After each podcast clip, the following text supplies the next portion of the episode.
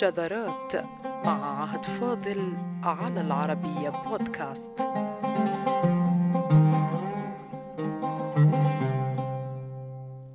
اختارهم بديلا من قومه فاختارهم قبرا أو نهاية لا حدود لها فصار جسمه فيها إذ اختارها ملاذا في حياته ومدفنا حيا متنقلا بعد مقتله.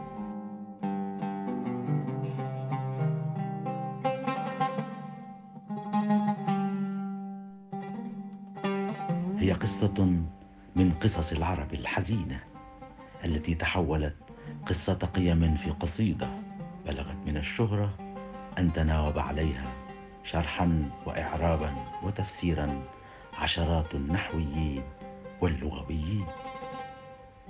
نص تبارى عليه مختلف أهل اللغة وفيما يجرح القارئ في الصميم يمنحه الإحساس بالقوة والعزيمة والقيم والحكم في الوقت نفسه. هي اللامية وتعرف بلامية العرب. تمجيدا لها كنص عربي جاهلي حمل قيم مجتمع من فروسية وكرامة وبأس. وهي في الوقت نفسه نص ثوري بكل معنى الكلمة. فقد اختار شاعرها عالم الصحراء القاسي بديلا من قومه في الوقت الذي يبلغ الانتساب للقبيلة أو للعشيرة عند العربي الجاهلي مبلغ الهوية الآن وما تعنيه من عصبية وارتباط وثيقين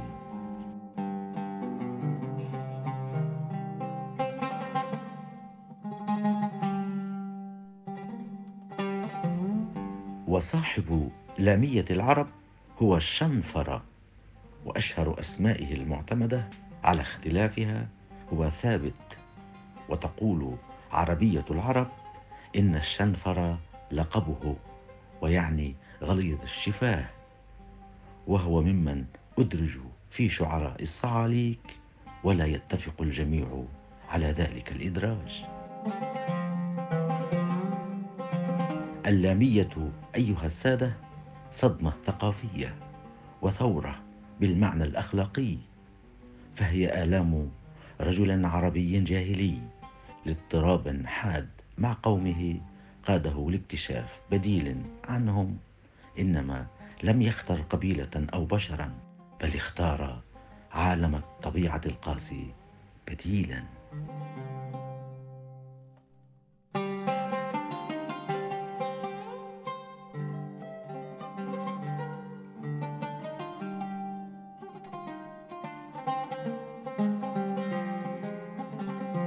ولفهم سياق هذه الثورة الأخلاقية وما أفرزته من قصيدة هي من عيون الشعر العربي اللامية لامية العرب تقود العودة إلى زمن الشنفرة لتلمس جانب مما كان ينزل بالعرب من اضطرابات بسبب الصراعات الدولية.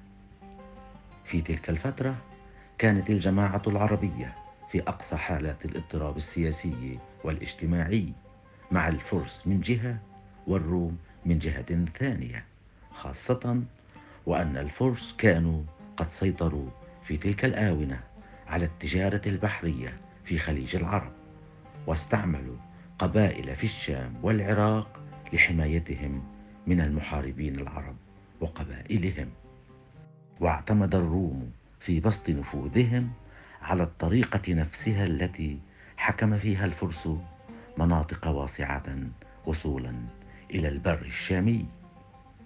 فكانت هناك قبائل موالية للفرس وأخرى موالية للروم. وبين هؤلاء وأولئك ولد اضطراب عنيف في البيئة العربية. نقله الشعر وعرفنا من أشكاله قصة عبيد بن الأبرص وقتله على يد قبائل موالية للفرس وقصة خصمه امرؤ القيس ثم قتله بالسم على يد قيصر الروم. والآن مع صاحب اللامية الشنفرة والذي قتل هو الآخر إنما نتيجة اضطراب اجتماعي حاد.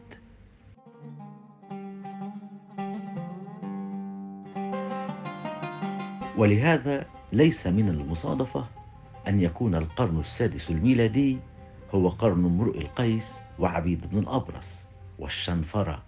الأخير الذي ترجح وفاته في الربع الأول من القرن السادس. وبينه وامرؤ القيس وعبيد بن الأبرص نحو من ثلاثين سنة. مشتركة زمنيا تزيد أو تنقص بحسب المصادر التي لا تزال بين الإجماع والتشكيك.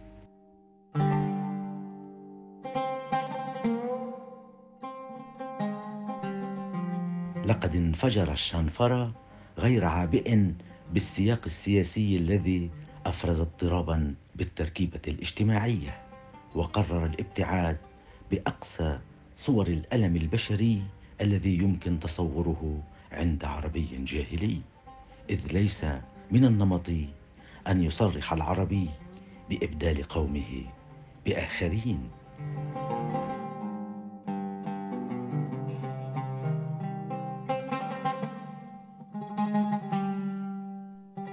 أطلق الشنفر صرخته التي دوت في صحراء العرب وقرر اللجوء إلى الطبيعة بديلا أو وطنا وصار نصه من نصوص الأدب العالمي الذي ترجم إلى لغات العالم الكبرى كالإنجليزية والفرنسية واليونانية والروسية والألمانية.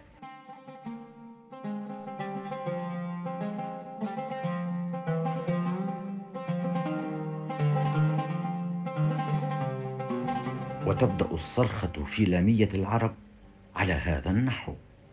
يقول الشنفرة أقيموا بني أمي صدور مطيكم فإني إلى قوم سواكم لأميل.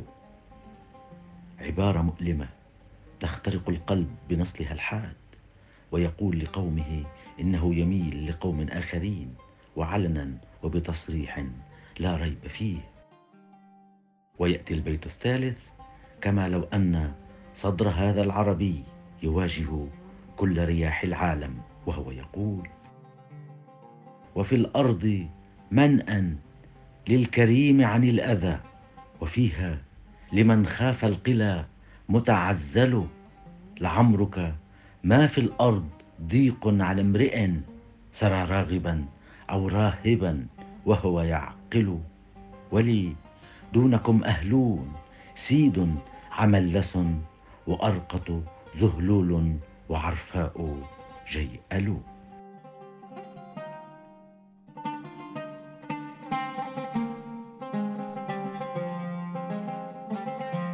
وفيما السيد الذئب والعملس السريع والزهلول الأملس والعرفاء الضبع يكمل هم الرهط لا مستودع السر ذائع لديهم ولا الجاني بما جر يخذل. وكل أبي باسل غير أنني إذا عرضت اولى الطرائد أبسل. وإن مدت الأيدي إلى الزاد لم أكن بأعجلهم إذ أجشع القوم أعجل.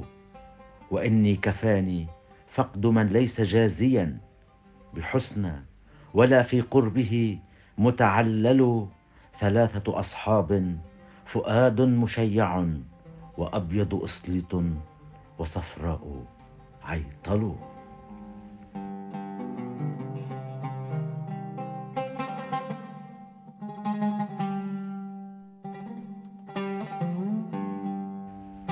وإذ المشيع المقدام والإسليط من السيوف الصقيل المشهر والصفراء من القوس والعيطل للقوة يكمل مشبعا بروح العربي الجاهلي المفعمة اعتزازا بالنفس والأنفة فيقول وأستف ترب الأرض كي لا يرى له علي من الطول امرؤ متطول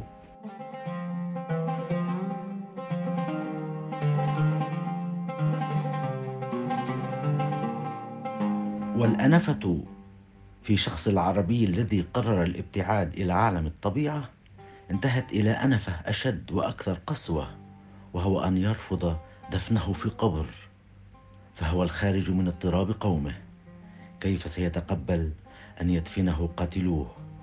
وتقول كتب الإخباريين إن الشنفرة عندما وقع بين يدي أعدائه عذبوه وأهانوه وعندما سألوه أين يريد أن يدفن؟ فطلب ألا يدفن في قبر بل بترك جسده للضباع أولئك الذين استهل بهم لاميته التي يعلم فيها قومه أنه استبدلهم بآخرين وبأن من بين هؤلاء الآخرين الضبع فعاد إلى قومه لحما مقتولا ربما ليلتحم بهم. من جديد.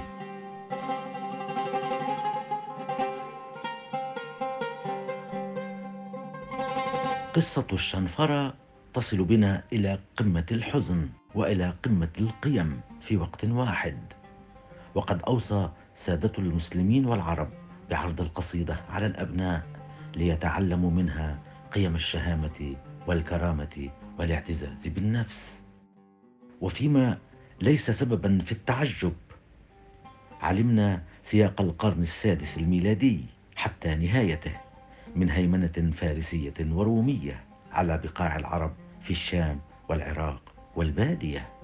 وهو زمان الشنفرة وزمان لاميته فإن ثمة من اخترع بعد نحو ستة قرون ما سمي لامية العجم للطغرائي والذي مات مقتولا هو الآخر. كما لو أنها لمعارضة لامية العرب أو منافستها أو كما لو أنها للتذكير بما كان يغلي في ديار العرب قبل الإسلام من نفوذ لفارس سقط وزال على أيدي العرب في وقت لاحق مع مجيء الإسلام.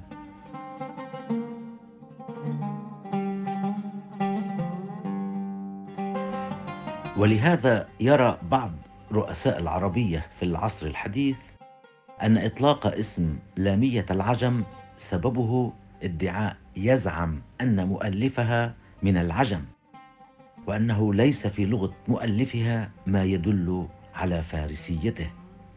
ويتساءل الدكتور علي جواد الطاهر منكرا عجميتها وفارسيتها ويقول كيف أصبحت لامية العجم؟ لا أدري.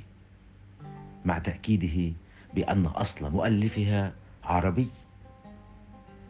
هكذا أعاد القرن السادس للهجرة زمن تأليف المسمات لاميه العجم ما حمله القرن السادس الميلادي زمن لامية العرب.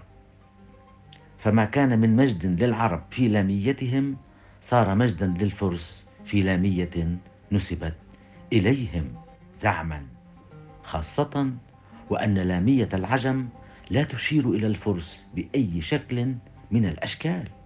ولهذا فإن وضع اسم لامية العجم عليها كان من وضع الواضعين وزعم الزاعمين. ولهذا اقتبس علي جواد الطاهر قول مصنفين متأخرين يعللون سبب تسميتها بلامية العجم. وحسبك أن الناس قالوا في هذه القصيدة إنها لامية العجم. في نظير تلك بمعنى إن كان للعرب قصيدة لامية مشهورة بالأدب والأمثال والحكم فإن للعجم لامية تناظرها حتى لو بالادعاء والزعم كما هو حاصل. وفي هذا كفاية وفي أواخر لامية العرب كفاية إذ يقول ولا تزدهي الأجهال حلمي ولا أرى سؤولا بأعقاب الأقاويل أنمل.